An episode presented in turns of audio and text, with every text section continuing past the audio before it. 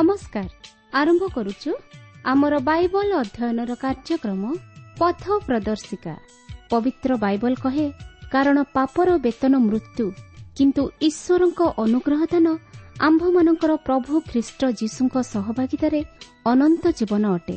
ଆସନ୍ତୁ ସେହି ମୃତ୍ୟୁର ଭୟରୁ ରକ୍ଷା ପାଇ ଅନନ୍ତ ଜୀବନର ଅଧିକାରୀ ହେବା ନିମନ୍ତେ ଶୁଣିବା ବେତାର କାର୍ଯ୍ୟକ୍ରମ ପଥ ପ୍ରଦର୍ଶିକା।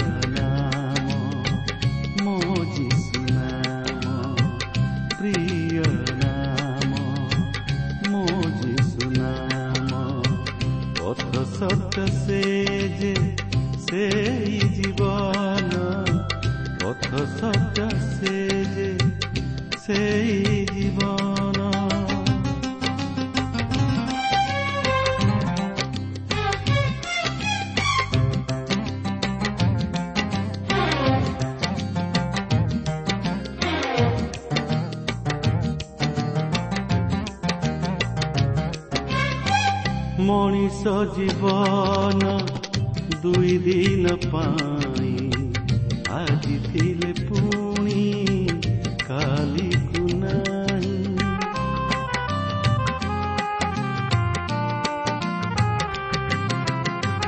ଆସିଛି ମୁଁ ଏକା ଚାଲିଯିବି ଏକା।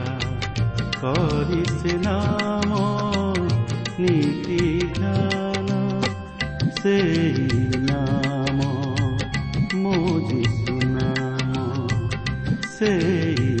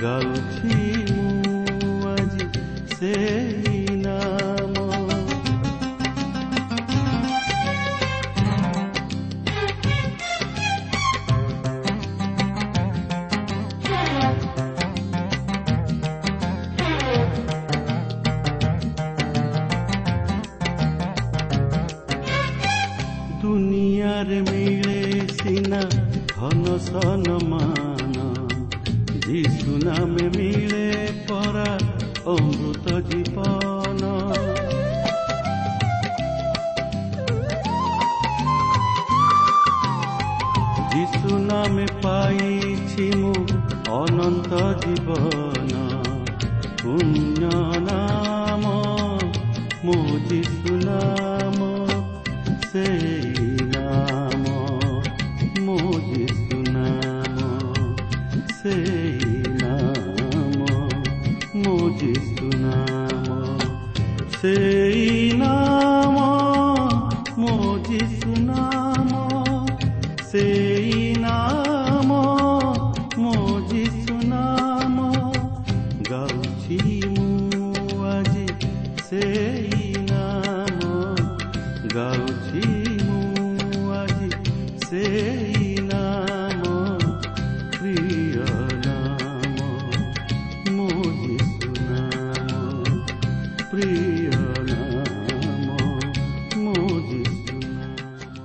ପ୍ରିୟ ଶ୍ରୋତା ବନ୍ଧୁ ଆମମାନଙ୍କର ସୃଷ୍ଟିକର୍ତ୍ତା ତଥା ଉଦ୍ଧାରକର୍ତ୍ତା ପ୍ରଭୁ ଯୀଶୁଖ୍ରୀଷ୍ଟଙ୍କ ବହୁମୂଲ୍ୟ ନାମରେ ଶୁଭେଚ୍ଛା ଜଣାଏ।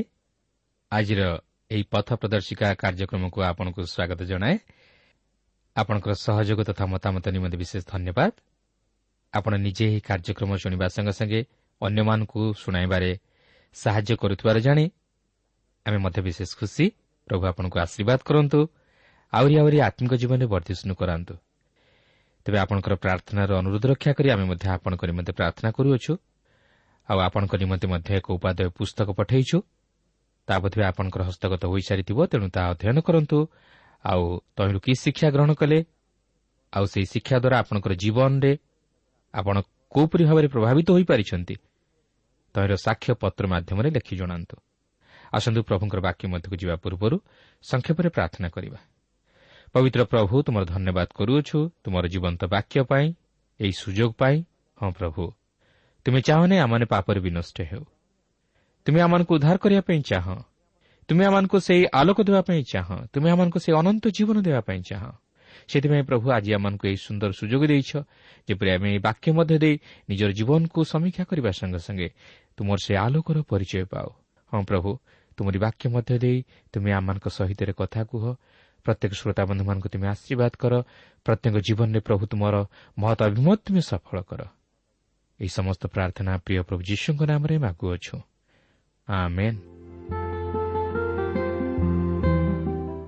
ଆସନ୍ତୁ ବର୍ତ୍ତମାନ ଆମେ ପ୍ରଭୁଙ୍କର ବାକ୍ୟ ମଧ୍ୟକୁ ଯିବା। ଆଜି ଆମେ ଜୋହନ ଲିଖିତ ସୁଷମାଚାରର ପ୍ରଥମ ପର୍ବର ଉଣେଇଶ ପଦରୁ ଆରମ୍ଭ କରି ବୟାଳିଶ ପଦ ପର୍ଯ୍ୟନ୍ତ ଅଧ୍ୟୟନ କରିବା ନିମନ୍ତେ ଯିବା। ଆପଣଙ୍କ ନିକଟରେ ଯଦି ନୂତନ ନିୟମ କିମ୍ବା ପବିତ୍ର ବାଇବଲ ଅଛି ତାହେଲେ ମୋ ସହିତ ଖୋଲନ୍ତୁ ଓ ଅଧ୍ୟୟନ କରନ୍ତୁ। କାରଣ ଏହି ପର୍ବର ଉଣେଇଶ ପଦରୁ ଆମେ ବର୍ତ୍ତମାନ ପାଠ କରିବା ପାଇଁ ଯିବା। ଆଉ ଏହା ଅତି ଗୁରୁତ୍ୱପୂର୍ଣ୍ଣ ବିଷୟ। ଦେଖନ୍ତୁ ଉଣେଇଶହ କୋଡ଼ିଏ ପଦରେ ଏହିପରି ଲେଖା ଅଛି ଆପଣ କିଏ?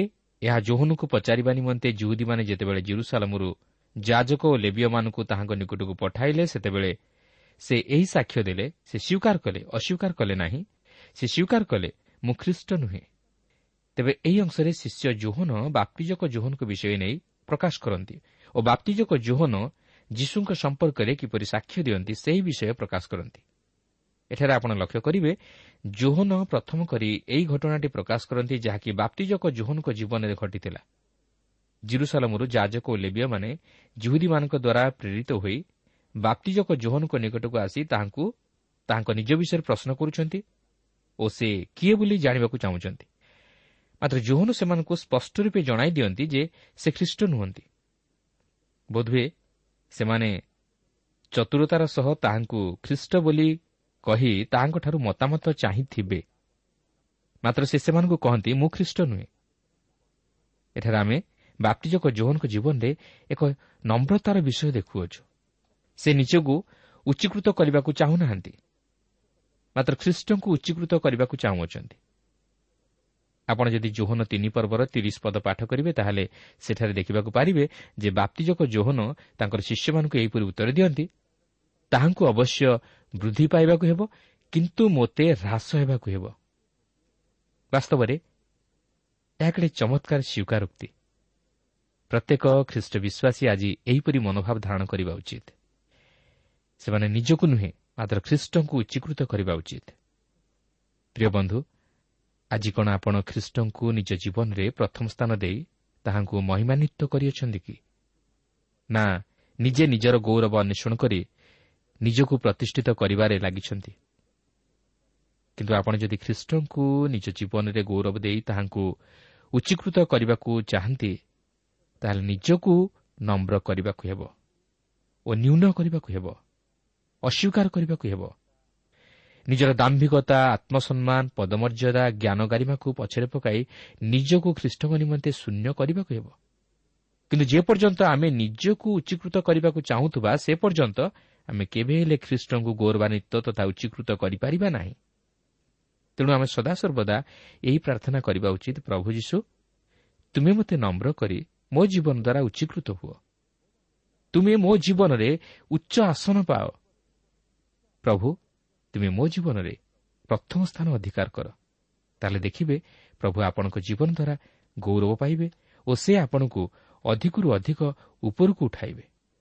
ତେବେ ବର୍ତ୍ତମାନ ଏଠାରେ ଲକ୍ଷ୍ୟ କରିବାର ବିଷୟ ହେଉଛି ଯେ ଯେତେବେଳେ ବାତିଜକ ଜୋହନ ମୁଁ ଖ୍ରୀଷ୍ଟ ନୁହେଁ ବୋଲି ସେମାନଙ୍କୁ ଉତ୍ତର ଦେଉଛନ୍ତି ସେତେବେଳେ ସେମାନେ ତାହାଙ୍କୁ ଆଉ କ'ଣ ପଚାରୁଛନ୍ତି? ଦେଖନ୍ତୁ କୋଡ଼ିଏ ଏକୋଇଶ ପଦରେ ଏହିପରି ଲେଖା ଅଛି ସେଥିରେ ସେମାନେ ତାହାଙ୍କୁ ପଚାରିଲେ ତେବେ କ'ଣ? ଆପଣ କ'ଣ ଏଲିଅ ସେ କହିଲେ ମୁଁ ନୁହେଁ। ଆପଣ କ'ଣ ସେହି ଭାଉବାଦୀ? ସେ ଉତ୍ତର ଦେଲେ ନା। ଏହି ଅଂଶରେ ଆପଣ ଲକ୍ଷ୍ୟ କରିବେ ଯେ ସେହି ଯାଜକ ଓ ଲେବିୟମାନେ ତାହାଙ୍କୁ ପୁନର୍ବାର ପ୍ରଶ୍ନ କରୁଛନ୍ତି ଯେ ବାସ୍ତବରେ ସେ କିଏ। ତେଣୁକରି ସେମାନେ ପ୍ରଶ୍ନ କରୁଛନ୍ତି ଆପଣ କ'ଣ ଏଲିୟ ଭବିଷ୍ୟତ ବକ୍ତା? ଆପଣ କ'ଣ ସେହି ଭାଓବାଦୀ ଅର୍ଥାତ୍ ଆପଣ କ'ଣ ସେହି ମୂଷାଙ୍କ ପରି ଜଣେ ଭାଓବାଦୀ କାରଣ ଦ୍ୱିତୀୟ ବିବରଣ ପୁସ୍ତକ ଅଠର ପର୍ବର ପନ୍ଦର ପଦରେ ମୂଷା ସେମାନଙ୍କୁ ଏହିପରି ଏକ ପ୍ରତିଜ୍ଞା କରି କହିଥିଲେ ତୁମ୍ଭ ଭିତରୁ ତୁମ୍ଭ ଭାଇମାନଙ୍କ ମଧ୍ୟରୁ ଆମ୍ବର ସଦୃଶ ଏକ ଭବିଷ୍ୟତ ବକ୍ତା ଉତ୍ପନ୍ନ କରିବେ। ତେବେ ସେମାନେ ବାପ୍ତିଜକ ଜୋହନକୁ ଏପରି ପ୍ରଶ୍ନ କରିବା ପଛରେ ପ୍ରଧାନ କାରଣ ଥିଲା ଯେ ସେମାନେ ସେହି ମସିହ ଅର୍ଥାତ୍ ଉଦ୍ଧାରକର୍ତ୍ତାଙ୍କର ଆଗମନର ଅପେକ୍ଷାରେ ଥିଲେ ଓ ସେମାନେ ପ୍ରଭୁ ଯୀଶୁଙ୍କୁ ମସିହ ବୋଲି ଗ୍ରହଣ ନ କରି ଅବିଶ୍ୱାସ କରୁଥିଲେ। ସେମାନେ ଯେ ବାପ୍ତିଜକ ଜୋହନଙ୍କ ବିଷୟ ନେଇ ସନ୍ଦେହରେ ପଡ଼ିଥିଲେ ତାହା ନୁହେଁ। ମାତ୍ର ପ୍ରଭୁ ଯୀଶୁଙ୍କୁ ମସିହ ରୂପେ ଗ୍ରହଣ କରିବା ନେଇ ସନ୍ଦେହରେ ପଡ଼ିଥିଲେ। ତା ନ ହୋଇଥିଲେ ଜୋହନ କେବେ ହେଲେ ସେମାନଙ୍କୁ ମୁଁ ଖ୍ରୀଷ୍ଟ ନୁହେଁ ବୋଲି କହି ନଥାନ୍ତେ ସେମାନଙ୍କର ସନ୍ଦେହ ଥିଲା ଯୀଶୁଙ୍କ ଉପରେ। ମାତ୍ର ଜୋହନଙ୍କ ଉପରେ ନୁହେଁ। ଦେଖନ୍ତୁ ସେମାନେ ବାପ୍ତିଯୋଗ ଜୋହନଙ୍କୁ ଆହୁରି କ'ଣ ପଚାରୁଅଛନ୍ତି? ବାଇଶ ପଦରେ ଲେଖା ଅଛି। ସେଥିରେ ସେମାନେ ତାହାଙ୍କୁ କହିଲେ ଆମ୍ଭମାନଙ୍କୁ ପଠାଇଥିବା ଲୋକଙ୍କୁ ଯେପରି ଉତ୍ତର ଦେଇପାରୁ ଏଥିସକାଶେ ଆପଣ କିଏ? ଆପଣ ନିଜ ବିଷୟରେ କ'ଣ କହୁଛନ୍ତି? ଲକ୍ଷ୍ୟ କରିବେ ସେମାନେ ତାହାଙ୍କୁ ଯେତେବେଳେ ବାରମ୍ବାର ପଚାରୁଛନ୍ତି ସେତେବେଳେ ସେ ସେମାନଙ୍କୁ ଏହିପରି ଉତ୍ତର ଦେଉଅଛନ୍ତି ଯାହାକି ତେଇଶ ପଦରେ ଲେଖା ଅଛି। ସେ କହିଲେ ଜିସାୟ ଭାବବାଦୀ ଯେପରି କହିଥିଲେ ମୁଁ ସେହି ପ୍ରକାର ପ୍ରାନ୍ତରରେ ଉଚ୍ଚ ଶବ୍ଦ କରୁଥିବା ଜଣଙ୍କର ସ୍ୱର ପ୍ରଭୁଙ୍କ ପଥ ସଳଖ କର। ଦେଖନ୍ତୁ ଶେଷରେ ଯୌବନ ସେମାନଙ୍କୁ ଏହିପରି ଉତ୍ତର ଦିଅନ୍ତି ଯେ ସେ ଜଣେ ପ୍ରଚାରକ। ସେ ଉଚ୍ଚ ଶବ୍ଦ କରୁଥିବା ଜଣଙ୍କର ସ୍ୱର ଯାହାକି ଜିସାଏ ଭାଓବାଦୀ ଏହି ବାପ୍ତିଜକ ଜୋହନଙ୍କ ବିଷୟ ନେଇ ଜିସାୟ ଚାଳିଶ ପର୍ବର ତିନି ପଦରେ ପ୍ରକାଶ କରିଅଛନ୍ତି। ତେବେ ଆପଣ ଦେଖନ୍ତୁ ଜୋହନ ହେଉଛନ୍ତି ସେହି ସ୍ୱର। ମାତ୍ର ପ୍ରଭୁ ଯୀଶୁ ହେଉଛନ୍ତି ବାକ୍ୟ। ସେ ନିଜକୁ ବାକ୍ୟ ସଙ୍ଗେ ତୁଳନା କରନ୍ତି ନାହିଁ ମାତ୍ର ସ୍ୱର ସହିତ ତୁଳନା କରନ୍ତି। ତେବେ ତାଙ୍କର ସମ୍ବାଦ ଥିଲା ପ୍ରଭୁଙ୍କ ପଥ ସଳଖ କର।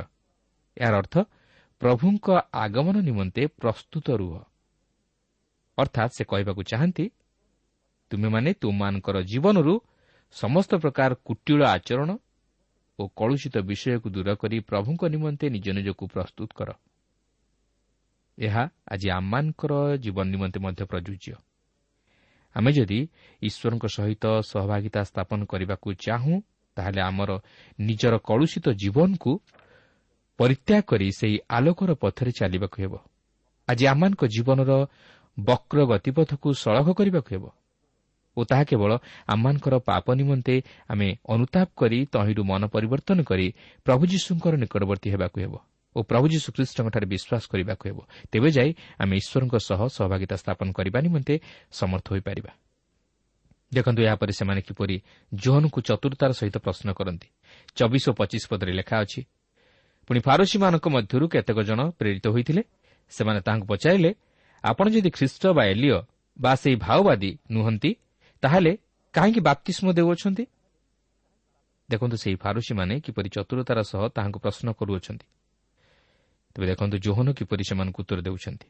ଛବିଶ ସତେଇଶ ପଦରେ ଲେଖା ଅଛି ଜୋହନ ସେମାନଙ୍କୁ ଉତ୍ତର ଦେଲେ ମୁଁ ଜଳରେ ବାପ୍ତିଷ୍ମ ଦେଉଅଛି।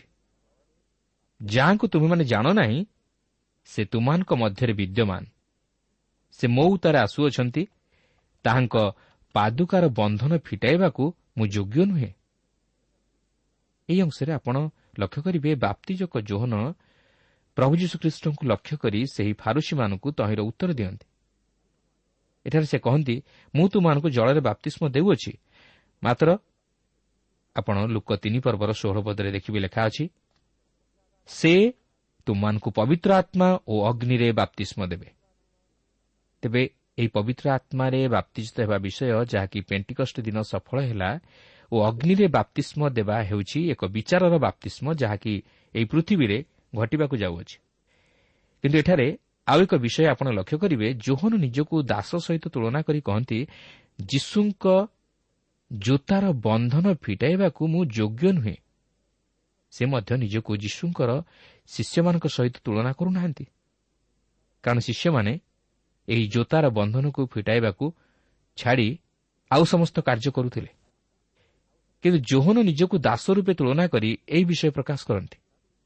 ଅର୍ଥାତ୍ ସେ ଯୀଶୁଙ୍କୁ ଉଚ୍ଚୀକୃତ କରନ୍ତି ମାତ୍ର ନିଜକୁ ନମ୍ର କରନ୍ତି। ଏପରିକି ସେ ସେହି ଦାସ ସହିତ ମଧ୍ୟ ନିଜକୁ ତୁଳନା କରୁନାହାନ୍ତି। ସେ ଦାସଠାରୁ ନିଜକୁ ଆହୁରି ନ୍ୟୁନ କରୁଅଛନ୍ତି। ପ୍ରିୟ ବନ୍ଧୁ ଆଜି ପ୍ରଭୁଙ୍କ ପ୍ରତି କ'ଣ ଆମର ମନୋଭାବ ସେହିପରି ଅଛି କି? ଆମେ କ'ଣ ତାହାଙ୍କୁ ଆମ ଜୀବନରେ ସର୍ବଶ୍ରେଷ୍ଠ ସ୍ଥାନ ଦେଇ ତାହାଙ୍କର ଅଭିମତକୁ ସଫଳ କରିବା ନିମନ୍ତେ ଚେଷ୍ଟା କରୁ କି? ଆମେ କ'ଣ ତାହାଙ୍କ ନିମନ୍ତେ ନିଜକୁ ନମ୍ର କରି ତାହାଙ୍କର ସେବା କରିବା ନିମନ୍ତେ ଇଚ୍ଛା କରୁ କି? ସେ ପ୍ରଭୁଙ୍କ ନିମନ୍ତେ ସବୁକିଛି କାର୍ଯ୍ୟ କରି ନିଜକୁ ଉଚ୍ଚୀକୃତ କରୁନାହାନ୍ତି କି ନିଜର ବଡ଼ାଇ କରୁନାହାନ୍ତି ମାତ୍ର ନିଜକୁ ନମ୍ର କରି ଜଣେ ଦାସ ସହିତ ମଧ୍ୟ ନିଜକୁ ତୁଳନା କରୁନାହାନ୍ତି। ମାତ୍ର ଦାସଠାରୁ ନିଜକୁ ଆହୁରି ନ୍ୟୁନ କରୁଅଛନ୍ତି। ତାହା ହେଉଛି ଏକ ବାସ୍ତବ ଖ୍ରୀଷ୍ଟ ବିଶ୍ୱାସୀ ତଥା ସେବକର ଚିହ୍ନ। କିନ୍ତୁ ଆଜି ଆମେ କିଭଳି ଜୀବନଯାପନ କରୁଅଛୁ? କ'ଣ ନିଜକୁ ପ୍ରତିଷ୍ଠିତ କରିବା ପାଇଁ? ନା ପ୍ରଭୁ ଯୀଶୁଙ୍କୁ ପ୍ରତିଷ୍ଠିତ କରିବା ପାଇଁ? ମାତ୍ର ବାପ୍ତିଜକ ଜୋହନଙ୍କ ଜୀବନ ପ୍ରତି ଟିକେ ଲକ୍ଷ୍ୟ କରନ୍ତୁ। ଏହାପରେ ଅଠେଇଶ ପଦରେ ଦେଖନ୍ତୁ ଲେଖା ଅଛି ଜର୍ଦ୍ଦନର ପରପାରସ୍ଥ ଯେଉଁ ବେଥନିଆରେ ଜୋହନ ବାପ୍ତିଷ୍ମ ଦେଉଥିଲେ ସେହି ସ୍ଥାନରେ ଏହିସବୁ ଘଟିଲା। ଏହି ଅଂଶରେ ଜୋହନ ଏକ ଭୌଗୋଳିକ ବିବରଣୀ ଦିଅନ୍ତି ଯାହାକି ଜୋହନ ସେହି ସ୍ଥାନରେ ବାପ୍ତିଷ୍ମ ଦେଉଥିଲେ ଓ ସେହି ସ୍ଥାନରେ ଏହିସବୁ ଘଟଣା ଘଟିଥିଲା। ସେହି ସ୍ଥାନର ନାମ ଜର୍ଦ୍ଦନର ପରପାରସ୍ଥ ବେଥନିଆ ଓ ଏଥିସହିତ ସମସ୍ତ ଘଟଣାର ଏକ କ୍ରମିକ ବିବରଣୀ ପ୍ରଦାନ କରନ୍ତି। ଅଣତିରିଶ ପଦରେ ଲେଖା ଅଛି ତହିଁ ଆର ଦିନ ସେ ଯୀଶୁଙ୍କୁ ନିଜ ପାଖକୁ ଆସୁଥିବା ଦେଖି କହିଲେ ଏହି ଦେଖ ଈଶ୍ୱରଙ୍କ ମେଷ ଶାବକ ଯେ ଜଗତର ପାପ ବହି ନେଇ ଯାଆନ୍ତି। ଏଠାରେ ଆପଣ ଦେଖିବେ ତହିଁ ଆର ଦିନ ବୋଲି ଯେଉଁ ଶବ୍ଦ ବ୍ୟବହାର କରାଯାଇଅଛି ତହିଁରୁ ଜୋହନଙ୍କର ସମୟାନୁକ୍ରମିକ ଘଟଣାଗୁଡ଼ିକର ବିବରଣ ଜଣାପଡ଼େ। ବାବ୍ଦିଜକ ଜୋହନ ଏଠାରେ ପ୍ରଭୁ ଯୀଶୁଖ୍ରୀଷ୍ଟଙ୍କୁ ଜଗତ ନିକଟରେ ଉଦ୍ଧାରକର୍ତ୍ତା ରୂପେ ଉପସ୍ଥାପିତ କରନ୍ତି। ସେ ଯେ କେବଳ ମସିହ ତାହା ନୁହେଁ ମାତ୍ର ସେ ମଧ୍ୟ ଜଗତର ଉଦ୍ଧାରକର୍ତ୍ତା। ସେ ଯେ କେବଳ ସେଦିନ ଥିଲେ ତାହା ନୁହେଁ ସେ ଆଜି ମଧ୍ୟ ଜଗତର ମହାନ ଉଦ୍ଧାରକର୍ତ୍ତା ଯେହେତୁ ସେ ଜଗତର ପାପ ବହି ନେଇ ଯାଇଅଛନ୍ତି।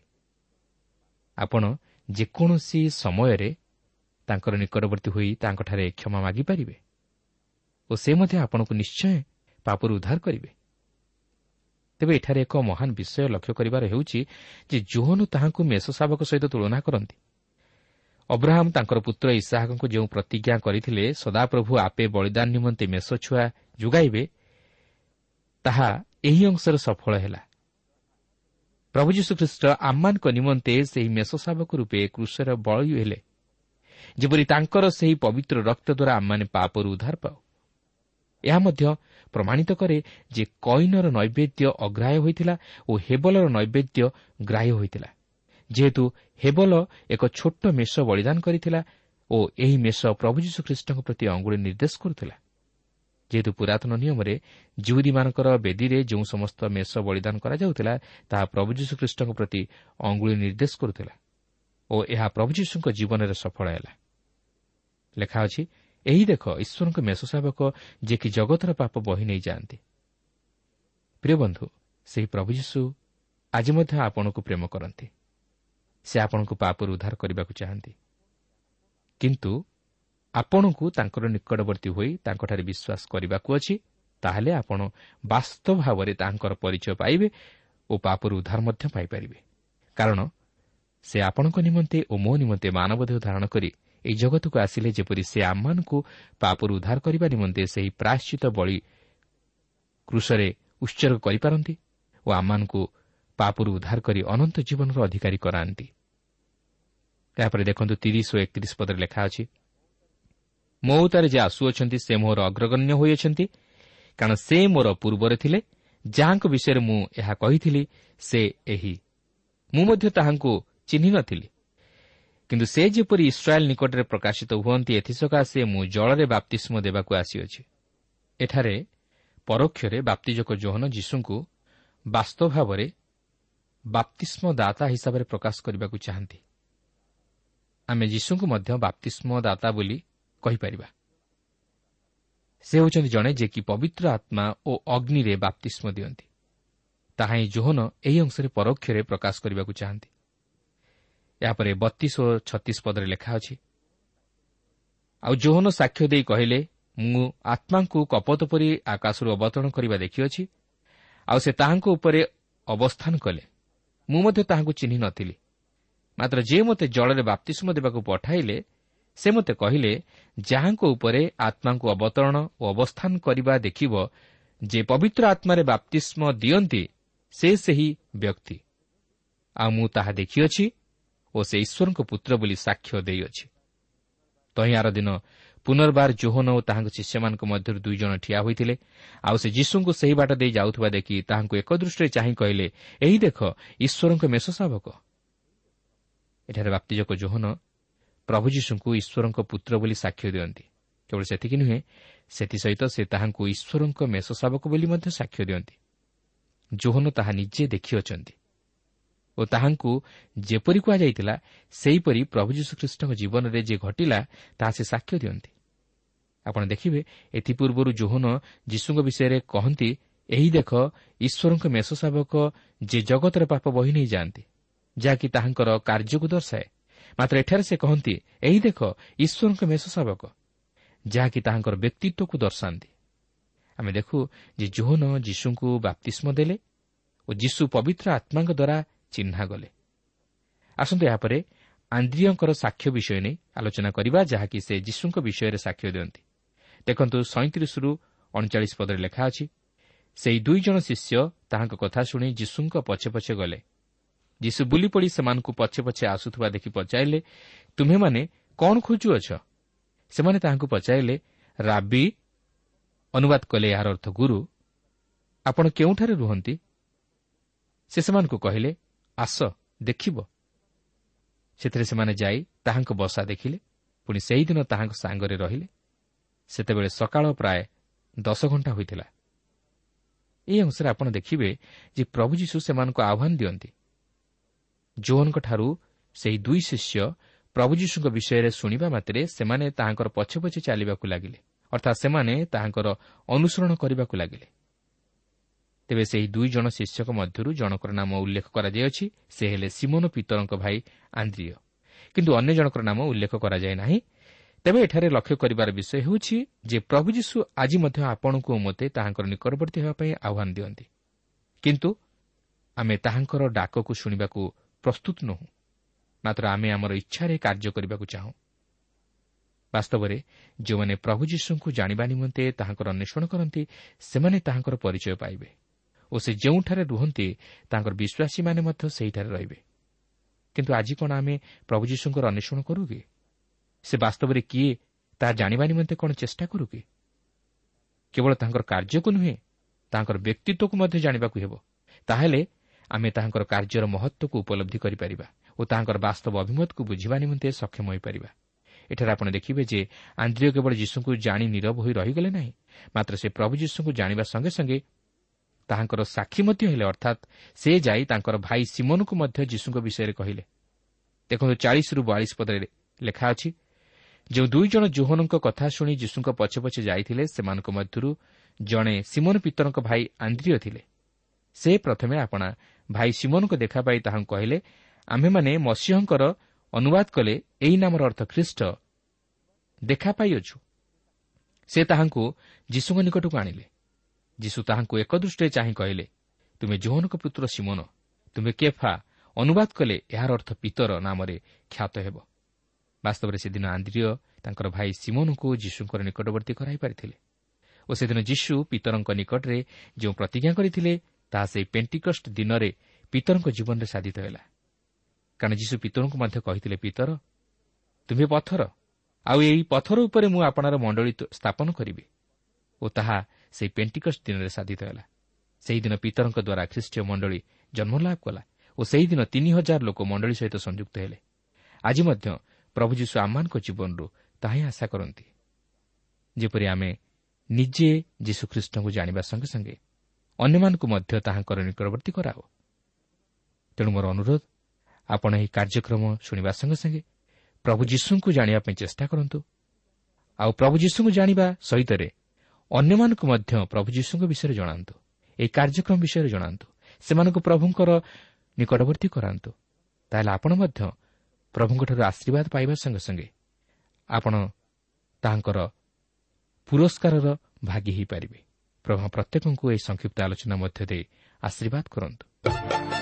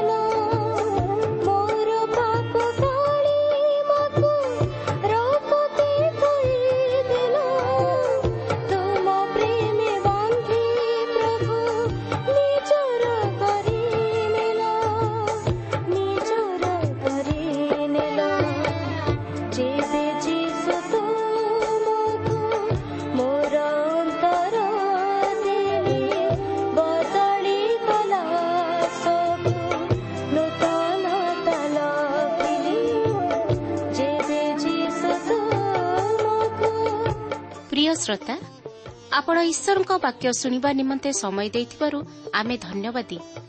ଆପଣ ଯଦି ପ୍ରଭୁ ଯୀଶୁଙ୍କର ବାକ୍ୟ ବିଷୟରେ ଓ ତାହାଙ୍କର ପ୍ରେମ ବିଷୟରେ ଅଧିକ ଜାଣିବାକୁ ଚାହାନ୍ତି ଯାହାକି ଆପଣଙ୍କୁ ପାପରୁ ଉଦ୍ଧାର ପାଇବା ନିମନ୍ତେ ପଥ ଦେଖାଇବ ତାହେଲେ ଆମ ସହିତ ପତ୍ର ମାଧ୍ୟମରେ ଅଥବା ଟେଲିଫୋନ୍ ଯୋଗେ ଯୋଗାଯୋଗ କରନ୍ତୁ।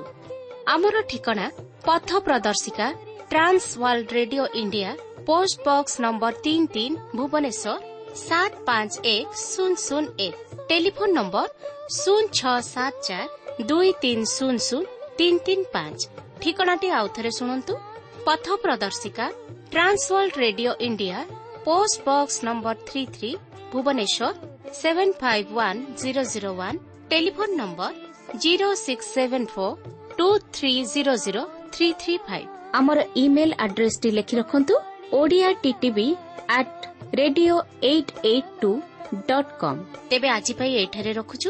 ପ୍ରଭୁ ଯୀଶୁ ଆପଣଙ୍କୁ ଆଶୀର୍ବାଦ କରନ୍ତୁ। ନମସ୍କାର।